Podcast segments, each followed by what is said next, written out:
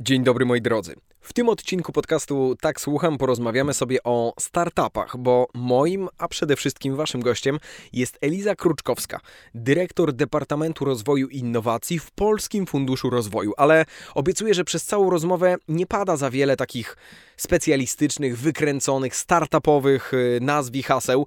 Myślę, że ta rozmowa to taka solidna pigułka wiedzy dla wszystkich, którzy mniej lub bardziej myślą o własnym biznesie.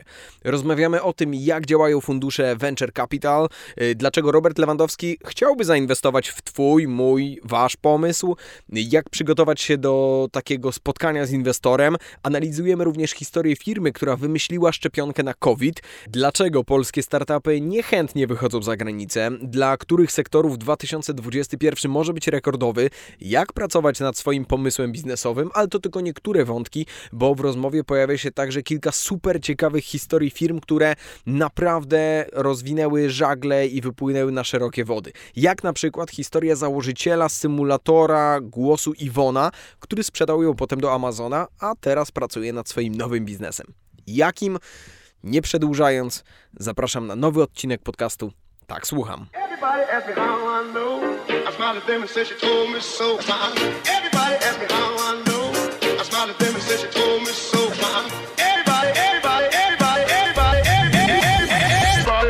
Jak patrzysz na tą mhm. sytuację, no bo jednak dobrze wiemy, że to jest branża, która no działa bardzo dynamicznie, tak? Mhm. To czy ten 2020 był takim wyraźnym sprawdzam dla wielu, dla wielu firm? Na pewno, na pewno te, które jeszcze były w stanie w 2019 roku zamaskować pewne braki, to one wyszły na jaw w, w, w, tym roku pandemii. Było to sprawdzam dla niektórych branż, które no, trochę przez ograniczenia prawne musiały przestać działać w takim kształcie, e, bo po prostu nie mogły. Ale jakbyś popatrzył na statystyki e, liczby e, zainwestowanych e, pieniędzy w zeszłym roku, to już wiemy, że to był rok rekordowy na rynku venture capital w Polsce. On był rekordowy? Rekordowy, tak, tak. Czyli trochę przez to, że branża digitalowa, e, nie, nie tyle digital, czy tradycyjne branże musiały przejść na digital, czyli musiały się ucyfrowić spowodowało to, że otworzył się ogromny rynek e, e, zbytu dla tych, którzy takie usługi świadczyły, a próbowały się przebić przez te ściany departamentów innowacji czy jakichś takich tradycyjnych zarządów. E, I do tej pory, no przecież i praca zdalna, i te wszystkie narzędzia do mm, mm, monitoringu tego, jak pracujesz, swojej efektywności. No nikt tego w Polsce w tych tradycyjnych branżach nie, nie używał. Chciałbym wrócić, y, Eliza, trochę do tego, o czym mówiłaś na początku, że był taki moment, że, musie, że wiele firm musiało ten pivot swój zmienić dynamicznie. I teraz mhm. powiedzieliśmy o sytuacjach, kiedy ten digital stał się większym procentem e, działalności jakiejś firmy, a pamiętasz przykłady takich firm, które właśnie musiały zmienić ten swój kurs na całkiem inny, żeby się utrzymać? Super przykładem jest firma Booksy. Pewnie większość kobiet w Polsce zna tą aplikację. E, firma Booksy to jest e, aplikacja do rezerwacji usług kosmetyczek, fryzjerów, e, wszystkiego, co wchodzi do szerokiego pojęcia branży beauty. No i oni przez, pamiętasz pewnie ten lockdown w marcu, kwietniu, kiedy nie można było iść się ostrzycy i mężczyźni, pamiętam, że chyba w, w te, pierwszy raz e, podchodzili do e, pytali się nas, jak wy sobie kobiety z tym jesteście w stanie poradzić, bo my zarastamy. Z wyłączeniem kandydatów na prezydenta, bo tam też pamiętam, że były takie memy, że fryzjerzy zamknięci, ale w telewizji każdy dobrze wygląda. To tak, prawda, było podziemie, było podziemie, którym nikt, no, nikt się do tego nie przyznaje. No i oni... E, to była taka spółka, która dosyć dynamicznie się rozwijała nie tylko w Polsce, ale też e, założyciel wyjechał do Stanów e, i e, bardzo tak dynamicznie się rozwijali na różne stany w Stanach Zjednoczonych. No i oni pivotowali, czyli musieli troszeczkę zmienić swój model biznesowy, więc wykorzystali ten pewnie, nie wiem, nie, system rezerwacji. System rezerwacji do systemu rezerwacji w różnych innych miejscach. Więc tak na, podając przykład BNP Paribas, jeden z polskich, znaczy banków, który działa w Polsce, umożliwił rezerwację w okienku, jak już można było iść, chodzić i się spotykać w, w oddziałach, dzięki tej platformie. Ale wiem, że też byli, byli tacy, którzy złapali powietrze i powiedzieli, że poczekamy, nie będziemy się zmieniać, bo chcemy dalej pracować. I to była Versum, ich główny e, konkurent. No później się okazało, że panowie z tych dwóch firm się dogadali, się połączy, połączyli siły, bo teraz Booksy z Versum mm, e, pracują razem. To ciekawe, że niektórzy od razu, no bo też mm, y, myślę, że to o tyle ciekawa sytuacja jednak bądź co bądź, że wszyscy mm, jesteśmy na tym samym poletku, nikt nie wie co będzie, tak. czy to jest na dwa tygodnie, na miesiąc, na, na pięć miesięcy, jak teraz się okazuje, yy, tak naprawdę przebudowanie, to co powiedziałaś, yy, jest skuteczne, bo, bo ten okres się znacznie wydłuża, tej takiej jak, jakichś tam super specjalnych warunków mhm. funkcjonowania, ale to super co powiedziałaś, że jedni bardzo silnie chcieli zostać przy tym, co robili, a drudzy jednak y, byli przyzwyczajeni, decydowali się na zmianę. No pamiętasz pewnie e, część restauracji, ja w ogóle pamiętam tą energię pomagania sobie na początku. Zobacz, to ciekawe, jak teraz jesteśmy, w, rozmawiamy w styczniu 2021 roku i jesteśmy po drugiej fali e, pandemii. Już w, przy tej drugiej fali ludzie tak mniej myśleli o pomaganiu innym, e, jak na początku. No, no, no tak, tak, absolutnie, zgadzam się. I, i, i pamiętam jeszcze w na początku restauracje e, zamiast gotować e, dania dla swoich klientów, no część z nich oczywiście przeszło tylko na dostawy, a część z nich zaczęło gotować e, po, wiem, posiłki dla medyków. Już tego w drugiej fali nie było, nie było widać, co też pokazuje taki pewnie jakiś mechanizm, że na początku bardzo chcieliśmy, jak bardzo poczuliśmy to zagrożenie i poczuliśmy się jako wspólnota, a później chyba już coraz bardziej zaczęliśmy się martwić o swoje własne biznesy, rodziny e, i tak trochę się wycofaliśmy. Dobrze, a powiedz, y, bo wspomniałeś o tym, że 2020 był rekordowy względem zainwestowanych pieniędzy, e, ale teraz chciałbym to rozgraniczyć i mhm. dopytać, czy zainwestowanych w biznesy, które już funkcjonowały i tak jak wspomniałaś, potrzebowały zastrzyku, czy również w nowe projekty? E, o, to bardzo ciekawe, e, co, co, czego dotykasz, bo ten rok e, był na pewno rokiem weryfikacji tych, którzy sobie i tak jakby żyli na kroplówce, to ta kroplówka im się skończyła, a ci, którzy widać było, że na tym lockdownie zwyciężyli, no i chociażby, no, chociażby podcasty. E, jak wyrosły, prawda? Wszyscy zaczęliśmy słuchać. E, ale wszystkie komunikatory, e, my bardzo szybko przeszliśmy na Microsoft Teams, który, o którym wcześniej naprawdę bardzo mało biznesów słyszało. Ale jest też jeszcze jedna platforma, która w przed pandemią miała 20 pracowników, urosła niesamowicie przez ostatnie parę miesięcy, zyskując kolejne rundy inwestowania. No, Bazum prawda?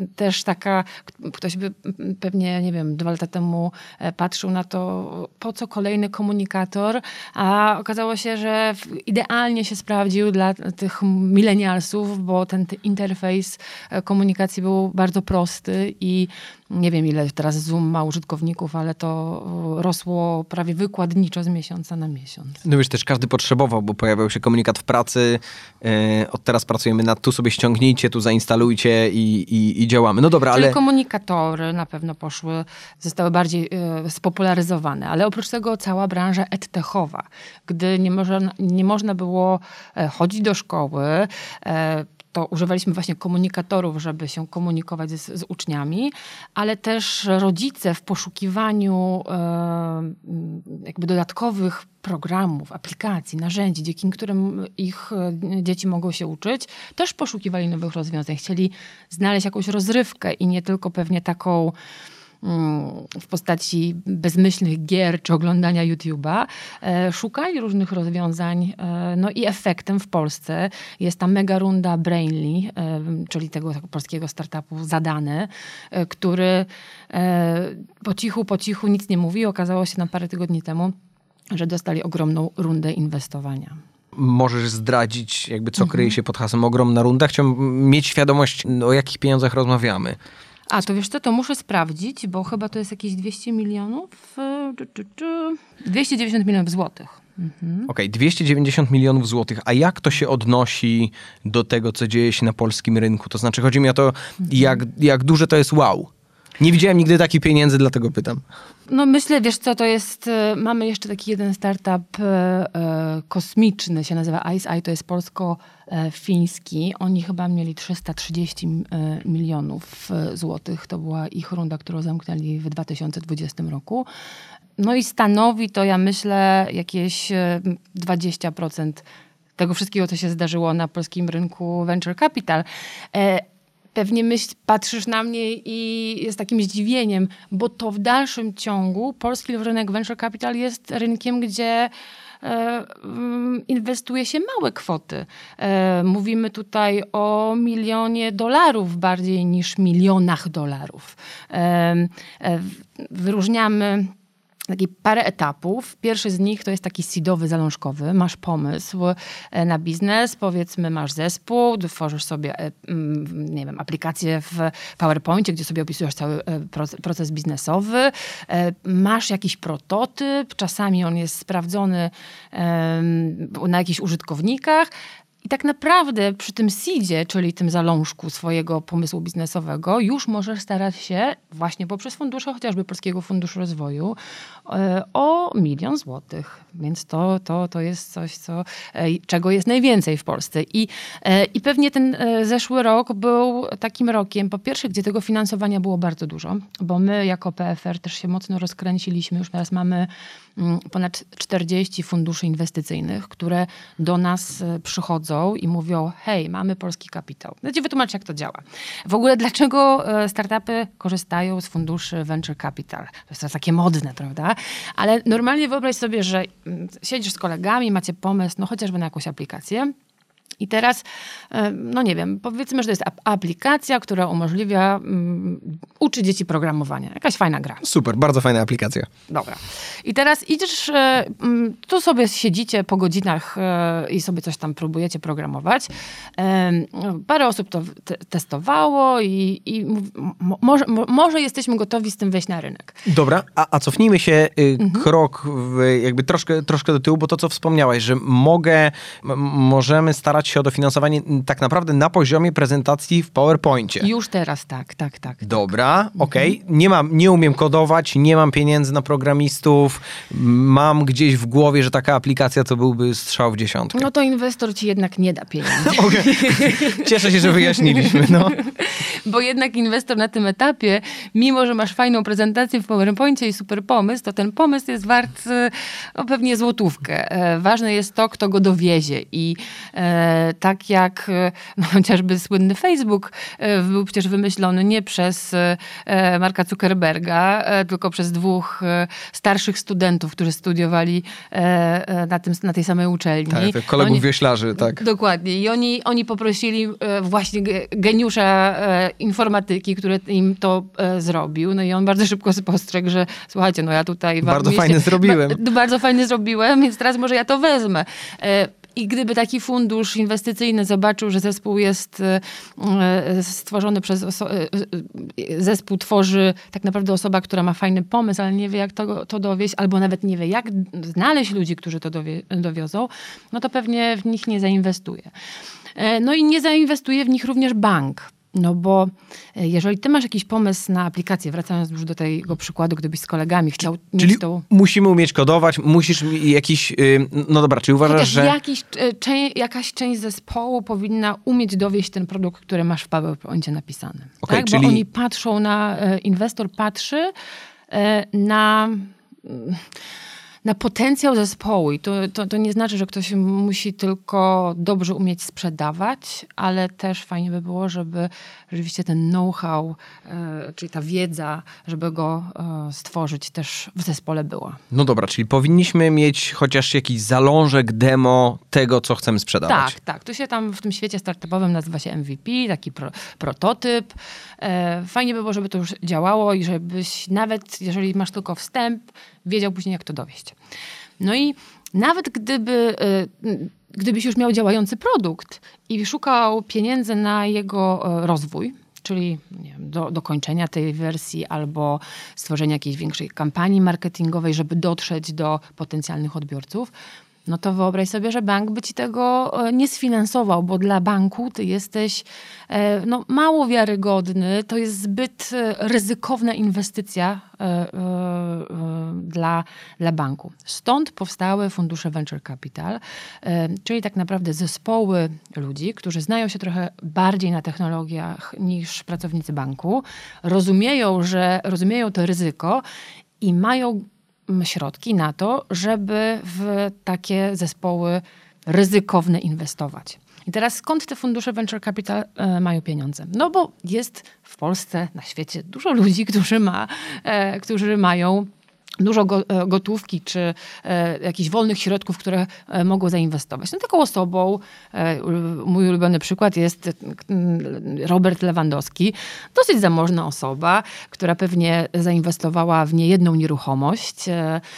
To takie bezpieczne źródło inwestycji, ale też może nie aż takie zwroty z inwestycji przynosi, jak zainwestowanie w takich ludzi, jak na przykład ty i twoja aplikacja e, do programowania, do dla, dzieci, do dla dzieci.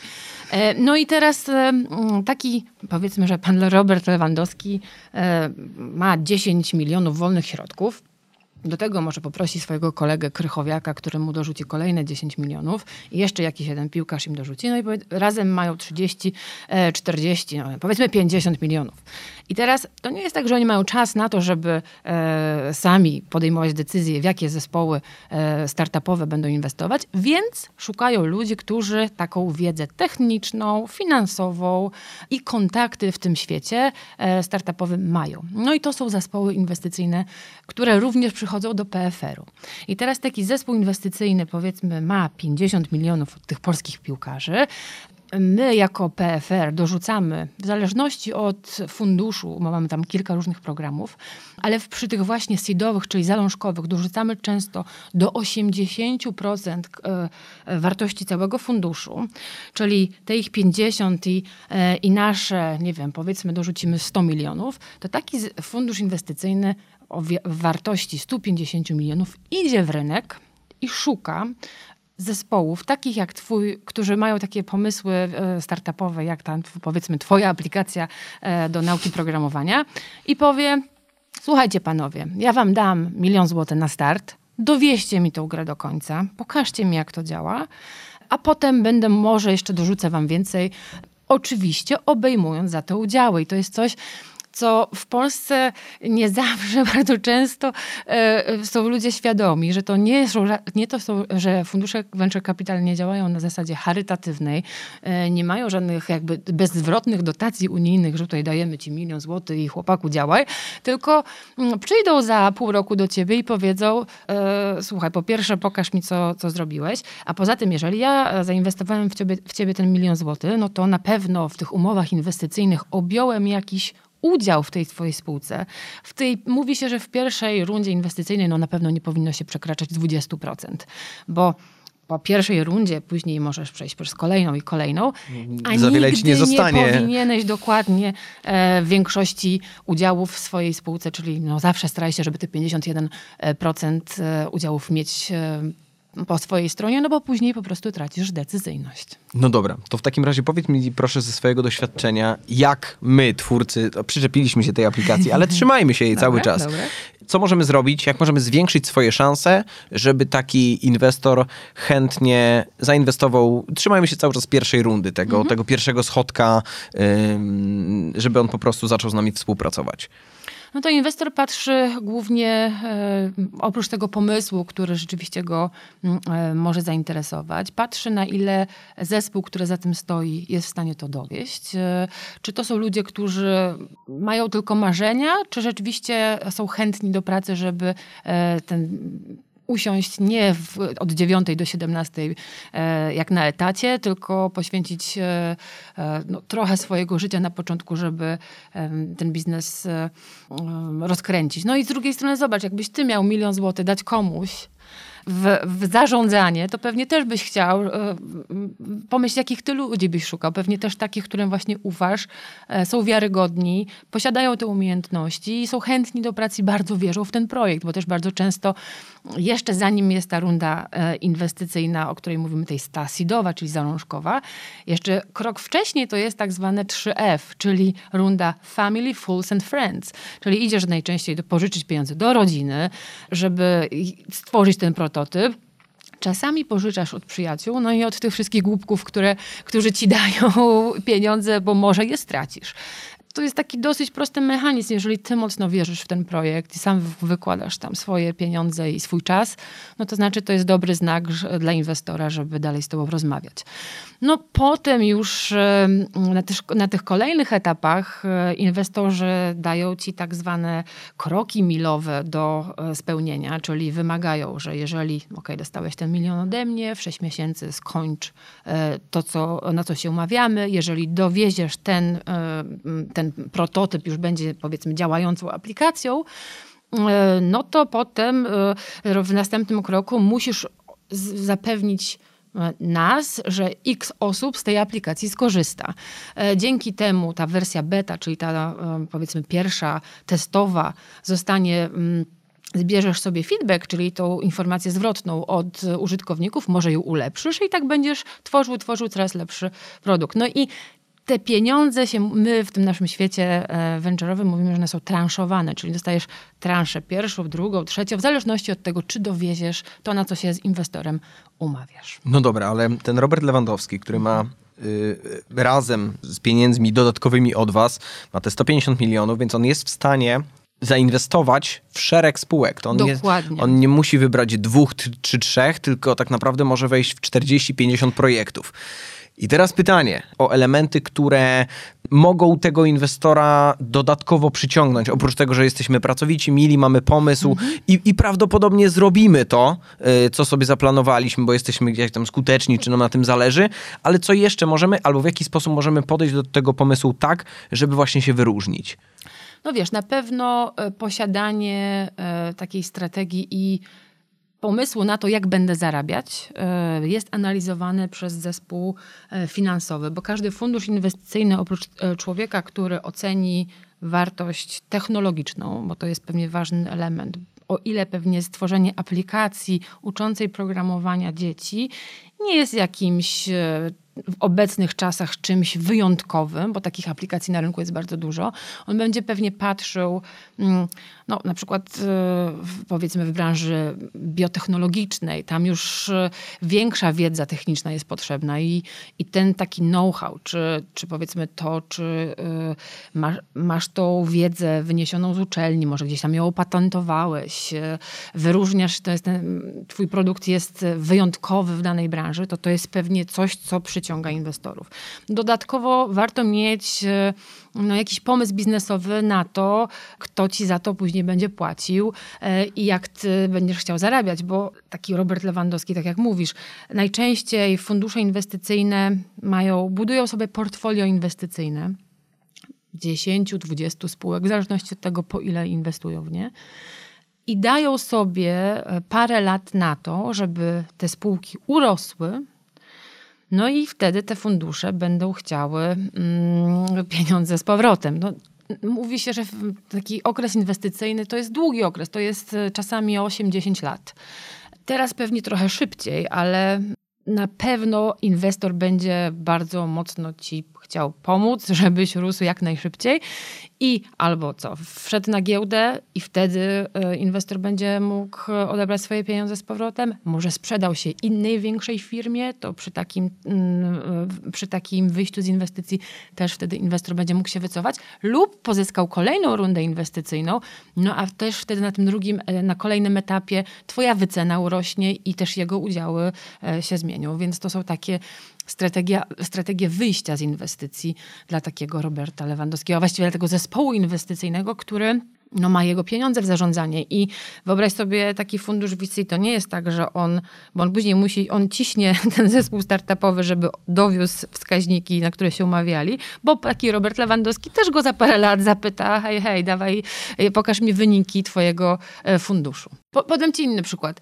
Mówimy teraz o takich bardzo prostych aplikacjach, e, które na start warte są milion złotych. Ale ostatnio przeanalizowaliśmy też historię e, finansowania BioNTech, czyli tej firmy, która wymyśliła e, szczepionkę razem z Pfizerem. No i to jest właśnie taki piękny przykład pozyskiwania kapitału na różnych etapach rozwoju.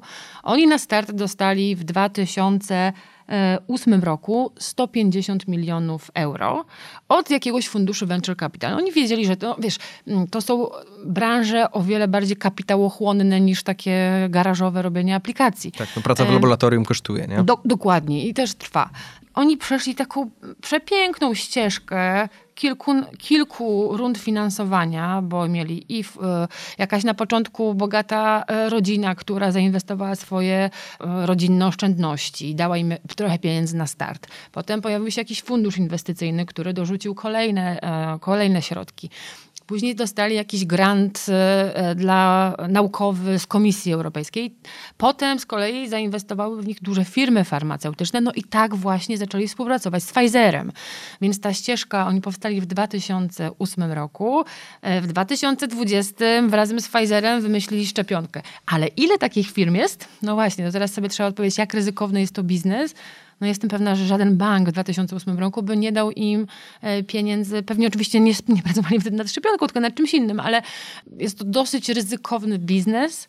No i też bardzo mocno kapitałochłonny właśnie w takich branżach jak e, biotechnologia. Podejrzewam, że to spektrum inwestorów e, i różnego rodzaju funduszy jest na tyle szerokie, że niektórzy szukają właśnie tych aplikacji, które da się wyskalować, potem dodać reklamę, jakiś system subskrypcji i za 6 lat prawdopodobnie będzie grupa użytkowników, którzy będą za to płacić, ale są też prawdopodobnie tacy, którzy, i o to chciałbym cię zapytać, oprócz przekazywania swoich pieniędzy, szukają jednak trochę czegoś, bo oni już mają duże firmy albo albo, zarobili na czymś innym i szukają tych młodych, zdolnych, kreatywnych, którzy wymyślą coś tak odklejonego, że oni z dziką przyjemnością przekażą na to swoje pieniądze. Czy może gdzieś na przykład obserwujesz pewnego rodzaju niszę na rynku albo, albo coś, czego na razie mm, osoby, które mm, nazwijmy to wpadają na pomysły, albo po prostu zakładają startupy, jeszcze trochę niechętnie się tam pchają, a inwestorzy chętnie by tam inwestowali. Są różne e, takie mody na różne branże. E, branża finansowa e, i te wszystkie fintech i blockchainowe startupy były swojego czasu bardzo modne. Jednak myślę, że taki inwestorzy w Polsce w dalszym ciągu są bardzo przyziemni. Nie porywają się na takie bardzo, bardzo ryzykowne przedsięwzięcia.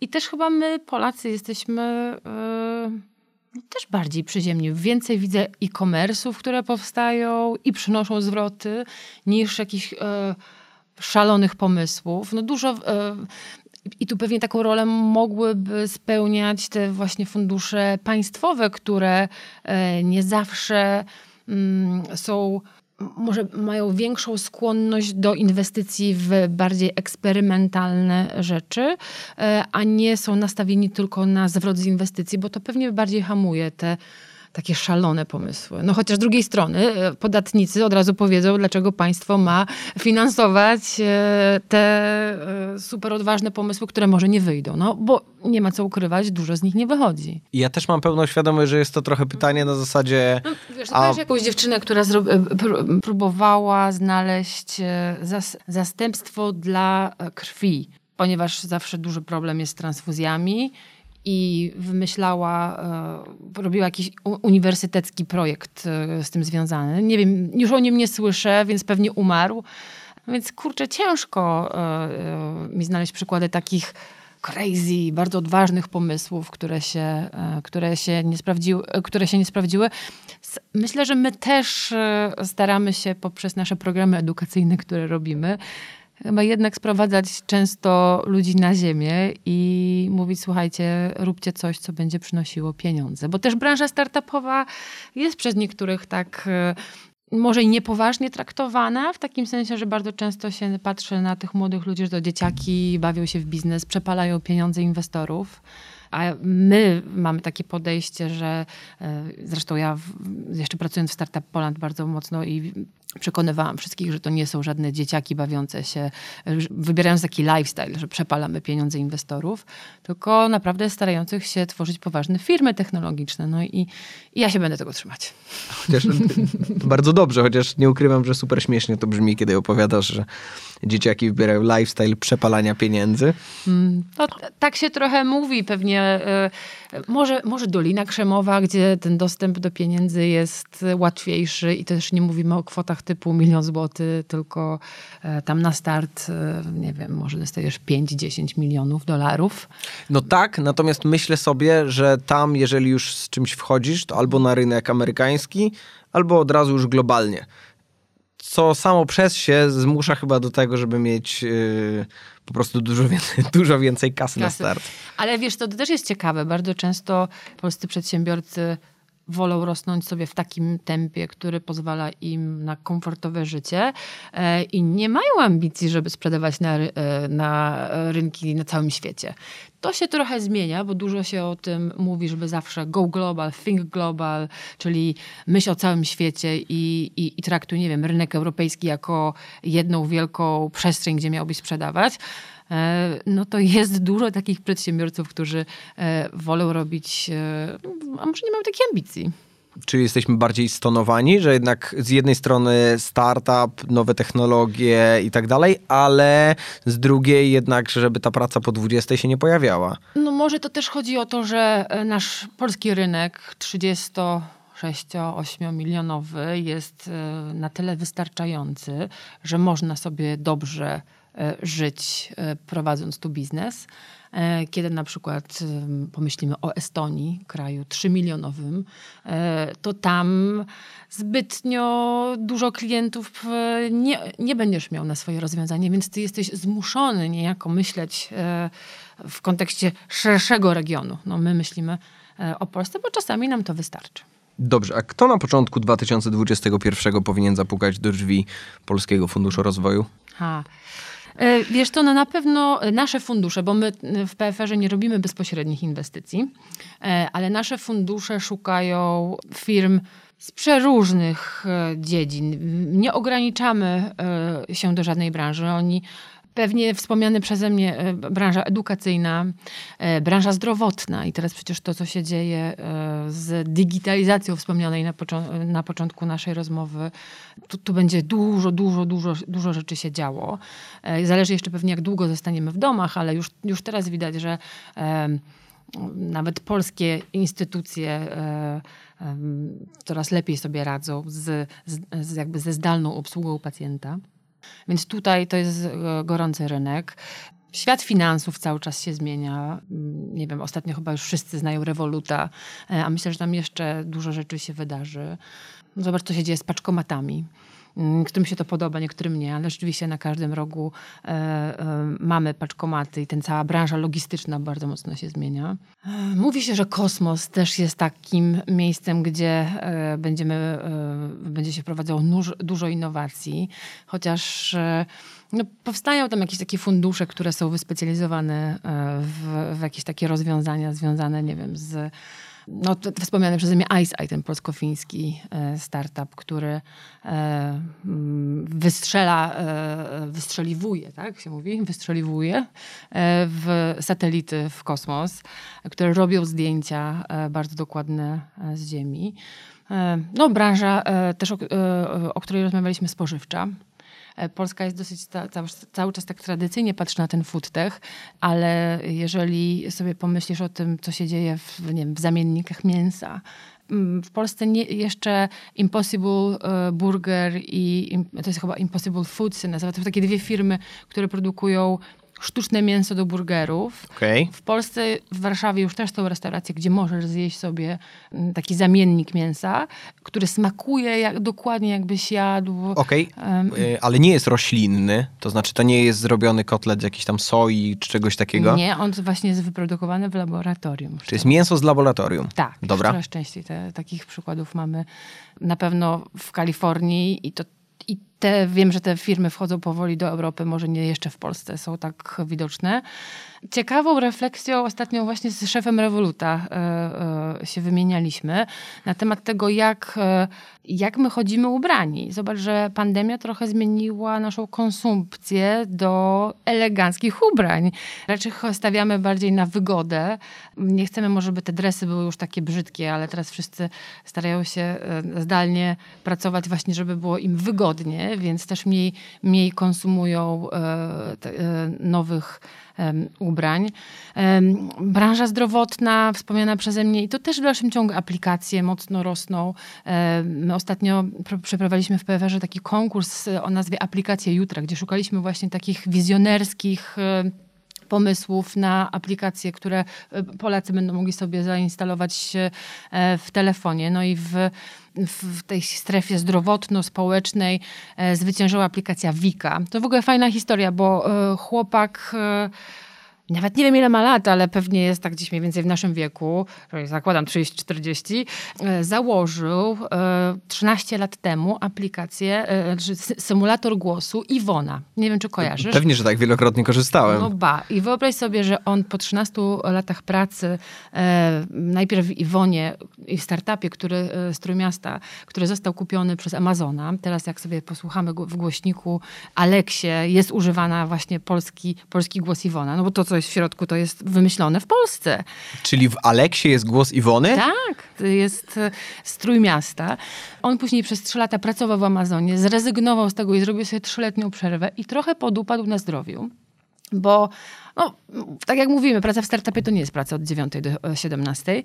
I po tym stwierdził, że jak zobaczył, jak e, wprowadza nowe nawyki związane i ze zdrowiem psychicznym, i fizycznym, a że w pandemii My wszyscy, po pierwsze, e, statystycznie podobno utyliśmy wszyscy o 2 kilogramy to wpadł na pomysł aplikacji, która tak, przez, poprzez taką grywalizację mobilizuje nas do ruchu e, i pomaga, e, on w ogóle jakiś wymyślił algorytm, który pozwoli ci ocenić na podstawie tam kilkunastu pytań, które ci ta, ta aplikacja Wika, bo teraz już jak już była Iwona, to teraz jest Wika, widać, że ma słabość do e, polskich imion, więc ten syntezator nowy mu pomaga, e, pomaga ci ocenić, ile jesteś w stanie dłużej żyć w dobrym zdrowiu dzięki zmianie nawyków, które masz do tej pory. Więc super, fajne, fajne. Już można podobno to pobrać e, z polskiego w, w App Store, więc to polecam. E, no i co jeszcze? Rynek finansowy wspomniany, ale nie tylko jeżeli chodzi o banki, ale jeszcze e, wyobraź sobie, co to będzie. No dużo firm polskich zresztą nie tylko polskich, będzie musiało przechodzić restrukturyzację. W Polsce tradycyjnie, i teraz cytuję tych chłopaków, którzy wpadli na inną aplikację o, o nazwie Infino, po kontaktach z różnymi doradcami finansowymi widzą, jak tradycyjnie ta branża jest skonstruowana. Ludzie głównie używają Excela. Excela, na który taki doradca finansowy patrzy, e, może porówna sobie do jakiegoś innego Excela, a oni wymyślili program, który na podstawie danych tysiąca firm są w stanie tak to szybko, sprawnie zautomatyzować, że widzą pewnego rodzaju błędy i stawiają tezy, co można byłoby zoptymalizować w firmie na podstawie sprawozdań finansowych i innych danych, które tam jakby musisz załadować. Od razu audytują. Tak, tak, tak. No więc też nad tym pracują i myślę, że e, będą mieli duży sukces e, w tym roku, bo e, podobno firmy dzwonik no, już, już e, po tym, jak usłyszeli... Już restrukturyzują. Już, no, już patrzą i szukają rady, co mogą zrobić, żeby zmienić finanse swojej firmy. To super ciekawe, czyli tak jakbyśmy mogli sobie w pewien sposób trochę online, czy właśnie przez aplikację zamówić audyt naszej firmy, która powie, zamiast zatrudniać dużą staram się to sobie trochę ułożyć w głowie, tak jakby tak. skrypt robił to, a my tylko zatwierdzamy, czy edytujemy. Ale, znaczy, na końcu pewnie to my decydujemy, jaką decyzję podejmiemy, ale e, no zauważ, często przetwarzamy coraz więcej danych których nasz mózg e, nie jest w stanie sam przeanalizować, a jeszcze jak sobie zestawimy nasze dane, te, które my mamy, czy to te zdrowotne, czy finansowe naszej firmy, z danymi X, innych ludzi, tak. czy innych firm, so, jesteśmy w stanie rozpoznać pewne no, takie paterny, czyli jakby Powtarzający się Powty- schemat, jakąś taką rotację? Które, czy to w zależności od tego, jak e, prowadzimy swoje e, nawyki żywieniowe, zdrowotne, to będziemy żyli tyle i tyle lat, lub jak wprowadzimy takie i takie zmiany w, w, w sposobie zarządzania finansami naszej firmy, to też możemy, e, nie wiem, polepszyć, pogorszyć swoją sytuację. Więc no to takie trochę, ma, e, e, jak to się mówi w tym mm, świecie techn- technologicznym, e, machine learning, czyli uczenie maszynowe. No, na podstawie danych, które damy naszemu algorytmowi, on nam wypluje pewne, mm, pewne rozwiązania, już mówiąc tak naprawdę bardzo, bardzo upraszczając. No dobra, tych branży pojawiło się mnóstwo. Teraz zacząłem się zastanawiać i wydało się to dla mnie super ciekawe, czy na przykład ten rynek eko, okej, wspomnieliśmy o jedzeniu, ale na przykład fotowoltanika, samochody elektryczne, takie rzeczy. No ja wiem, że ty kiwasz, że tak, ale zastanawiam się, czy pandemia, w sensie, czy ten, już nie, nie nadużywając tego słowa w nieskończoność, 2020 to przyspieszył, czy może jednak, bo, bo trochę piję do sytuacji, że byliśmy ekologiczni, a, a przez dwa miesiące ilość foliowych rękawiczek, które zużyliśmy, była po prostu niebotyczna. I w momencie takiej sytuacji wszyscy zapominają, że tam świat ginie, jest, są rzeczy ważniejsze gdzieś tam w naszej tak, potem hierarchii. włączamy Netflixa, żeby obejrzeć film dokumentalny z Dawidem Attenborough i żeby sobie przypomnieć, jak mocno krzywdzimy naszą planetę. No więc o to chodzi. I jak, jak ten 2020 właśnie na ten, na ten trend eko wpłynął? No, myślę, że na pewno odciągnął uwagę. I mimo tego, że Komisja Europejska bardzo mocno cały czas trzyma tą agendę e, Zielonego Ładu, to pewnie mniej się o tym mówiło. E, Ja, e, wspomniałeś o tych rękawiczkach, też wiem, że są maseczki się rozkładają latami i one się, e, no nieraz się o nie potykaliśmy na chodnikach. I to w hurtowych ilościach, tak? Tak, tak, tak. Wszyscy. To jest niesamowite, jak szybko zapomnieliśmy, prawda, o, o tym byciu eko, eko, ekologicznym. Ostatnio biliśmy się o słomki, a wyrzucamy masę rękawiczek e, do kosza na śmieci przy każdej wizycie w supermarkecie. To prawda, mnie też to bolało bardzo. To, co mówiłaś, że jesteśmy e, może nie super zachowawczy, ale jednak mamy trochę inne podejście. Czy jak obserwujesz branżę globalnie, to ten machine learning na zasadzie coś jest hot w Stanach Zjednoczonych, a u nas za 5 lat cały czas działa?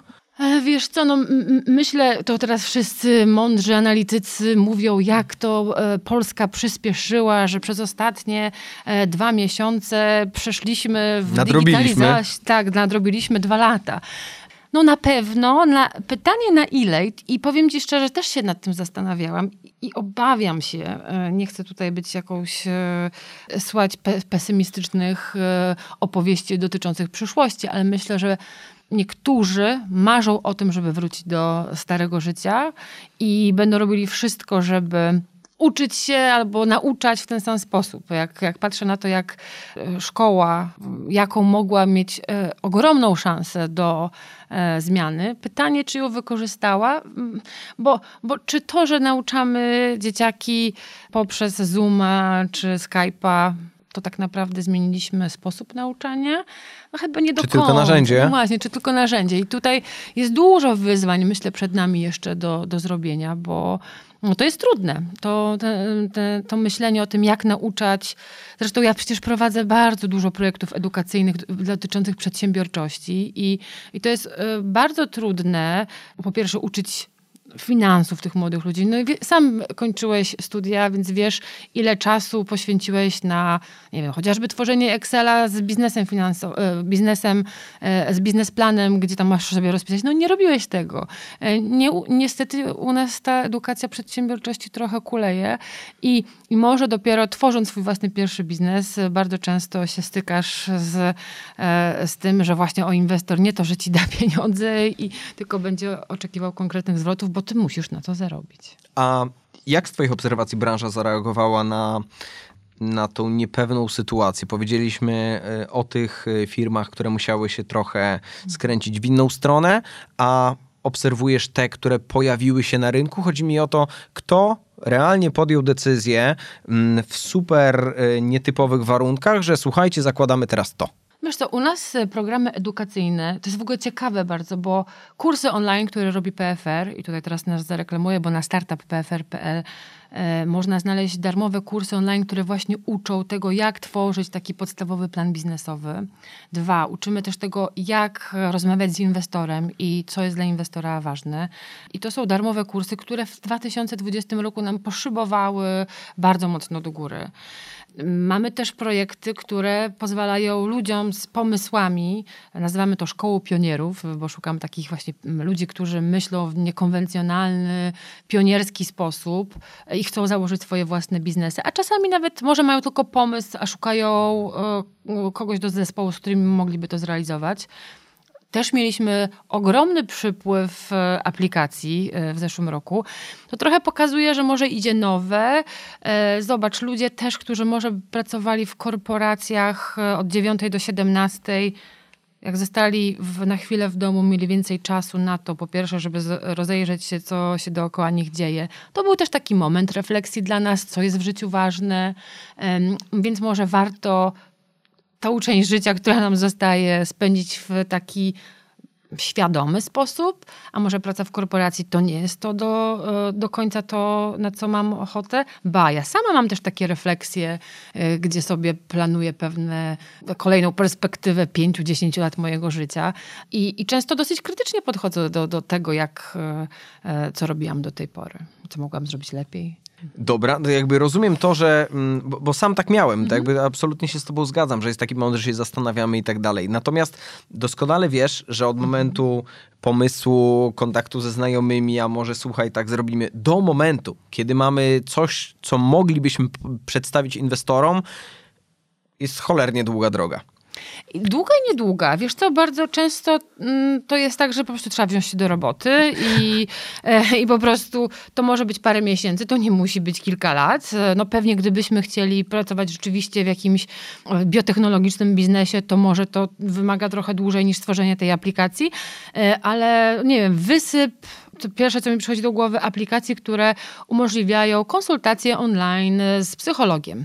Jest teraz tego bardzo dużo, bo rzeczywiście ten e, ostatnie parę miesięcy było dla nas dosyć e, pełne wyzwań. Ludzie przechodzą i kryzysy związane z samotnością, z właśnie jakimś wypaleniem zawodowym.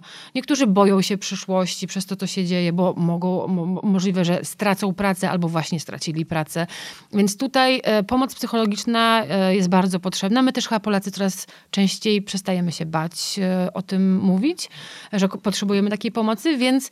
Że psycholog to nie psychiatra. że... Dokładnie. No, czasami potrzebujemy też coacha albo po prostu kogoś, kto spojrzy na nasze życie z boku i posłucha, albo my też nawet mówiąc komuś o naszych problemach, posłuchamy siebie z boku i e, może sami wyjdziemy z jakąś odpowiedzią, bo chyba w sumie nawet na tym polega praca psychologa.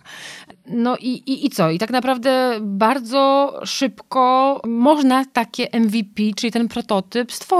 E, nawet ba, testując na swojej grupie znajomych, którą mamy na Facebooku, e, współpracy z kilkoma kilkoma psychologami. Takich przykładów jest dużo, więc nie ma co myśleć za dużo, trzeba działać. Tym bardziej, że na tym wczesnym etapie rozwoju powinniśmy próbować, bo ten nasz pomysł będzie się zmieniał bardzo mocno e, i właśnie tak, piw, no to takie to słowo, to pivotować, czyli on, będziemy go udoskonalać w dalszym ciągu e, e, poprzez pracę na tym wczesnym etapie, bo będziemy dostawać tą informację zwrotną od użytkowników, zobaczymy nowe rzeczy. Bardzo często nam się wydaje, że coś powinno być takie i takie, a później rynek to weryfikuje. Po dwóch tygodniach okazuje się, nie, no róbmy coś kompletnie innego. Tak, więc działać, działać. Działanie myślę, tu jest siłą napędową na pewno na tym nie tylko wczesnym etapie, ale na pewno na tym wczesnym warto e, wyłączyć tego wewnętrznego cenzora, który każe nam dążyć do perfekcji, czyli znowu wracamy do naszej edukacji, jesteśmy tak, trochę jest nam wpojone, żeby zrobić wszystko na piątkę, E,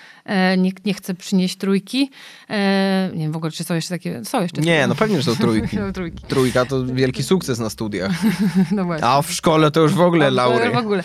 No więc róbmy nawet na trójkę. Ważne, żeby nie, nie zatrzymać się w oczekiwaniu jakiejś perfekcyjnej wersji, bo no to można tak siedzieć w domu i myśleć o idealnym sobie, idealnym pomyśle, idealnym startupie No i nic z tego nie wyjdzie. No dobra, Eliza, to dajmy konkretne narzędzia, bo powiedziałaś o tym, że są dostępne u Was darmowe kursy. W jaki jeszcze inny sposób polecałabyś się edukować, zgłębiać temat. Nie mówię konkretnie o, o, o, samej branży, w którą chcemy pójść, no bo to wiadomo, tutaj jakby pełne spektrum możliwości, ale bardziej yy, jeżeli chodzi właśnie czy o finansowanie, czy o branżę yy, startupową.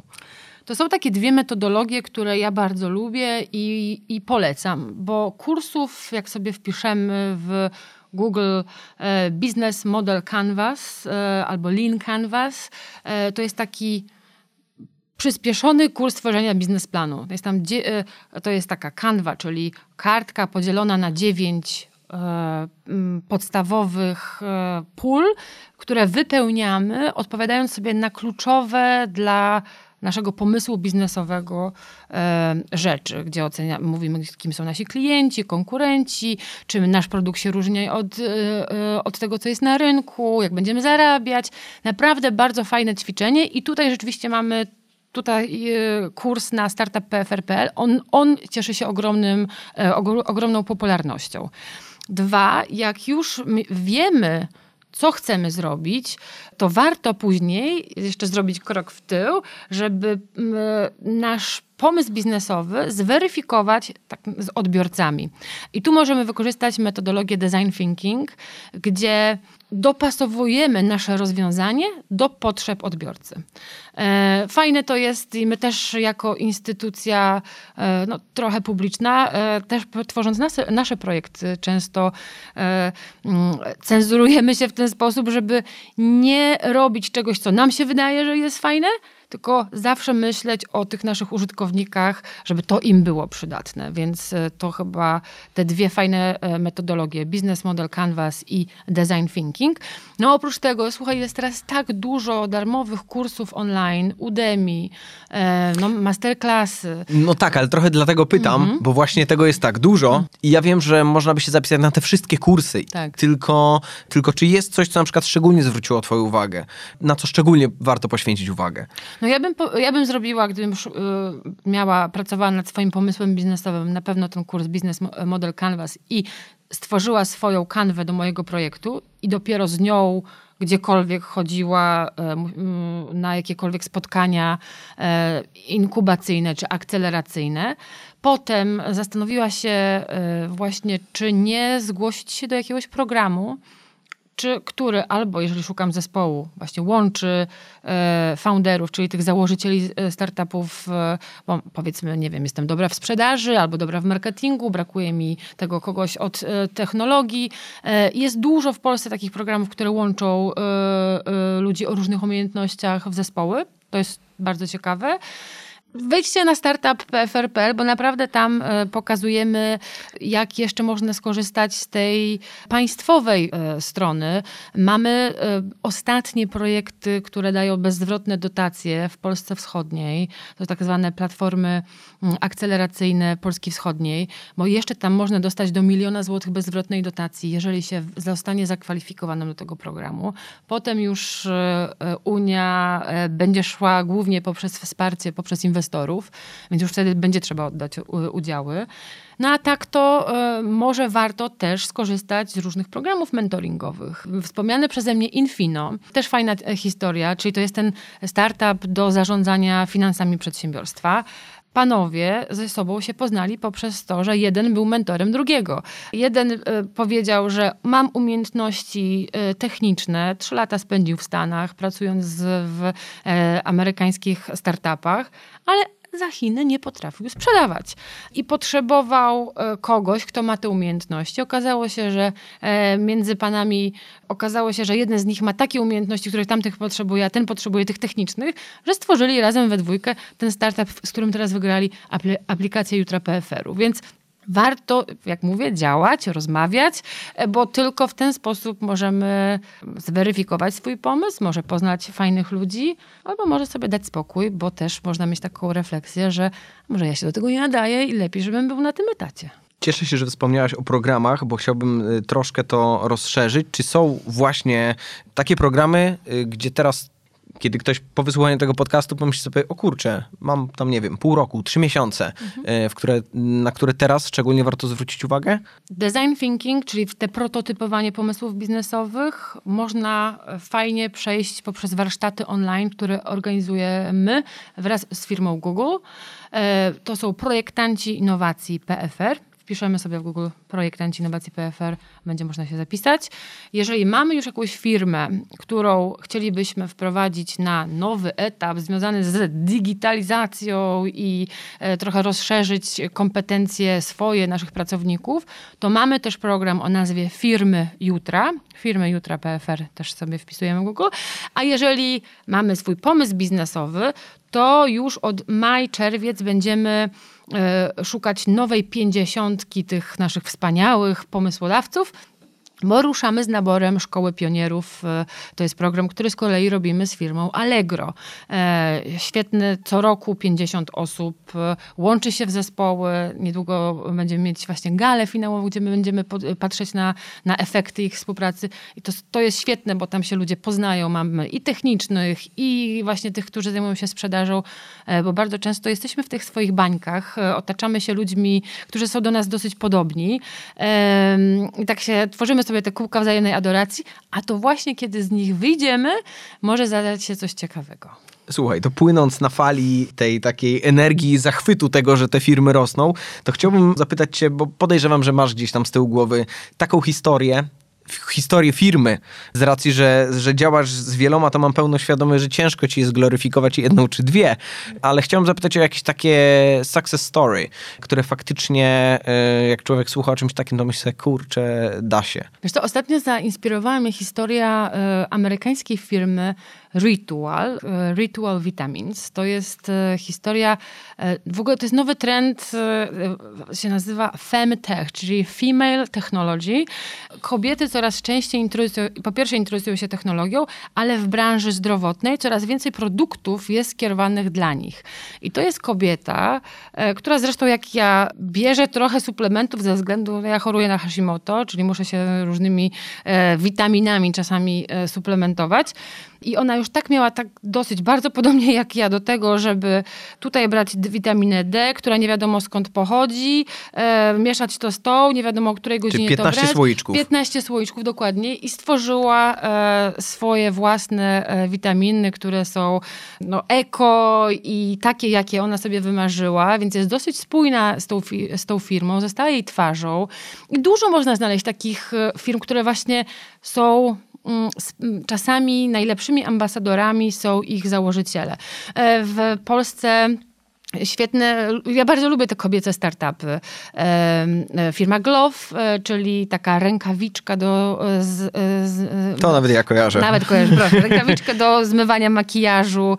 Monika Żochowska wraz z koleżanką od kilku lat świetnie sobie radzą, szczególnie w ogóle na rynkach międzynarodowych. Magdalena Urban, która założyła e, firmę produkującą kostiumy kąpielowe.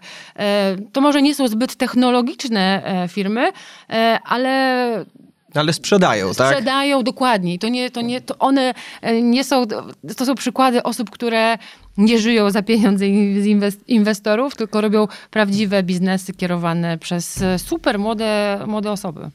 Eliza, bardzo, bardzo pięknie Ci dziękuję. E, na koniec jeszcze dwie rzeczy, które często poruszamy w tym podcaście. Pierwsza jest taka, czego ci życzyć?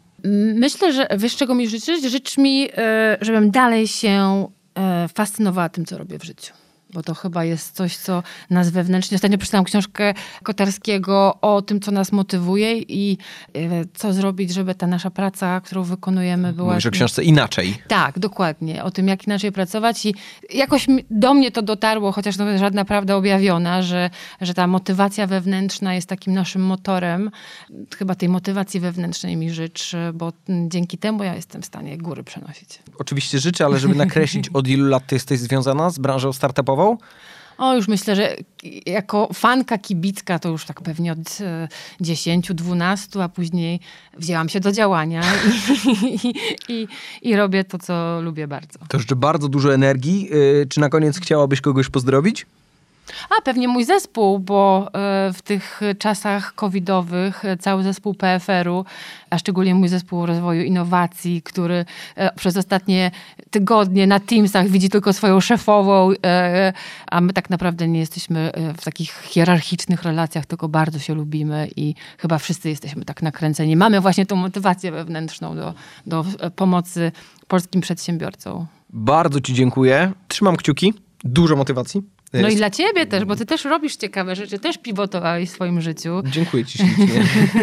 tak było i dalej pivotuję, jeżeli już trzymamy się tego wątku.